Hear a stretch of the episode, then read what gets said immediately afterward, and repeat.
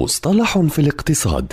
في كل حلقة يطرح المدون وصانع المحتوى الاقتصادي مجد النوري مصطلحا اقتصاديا محددا بلغة سهلة وبسيطة.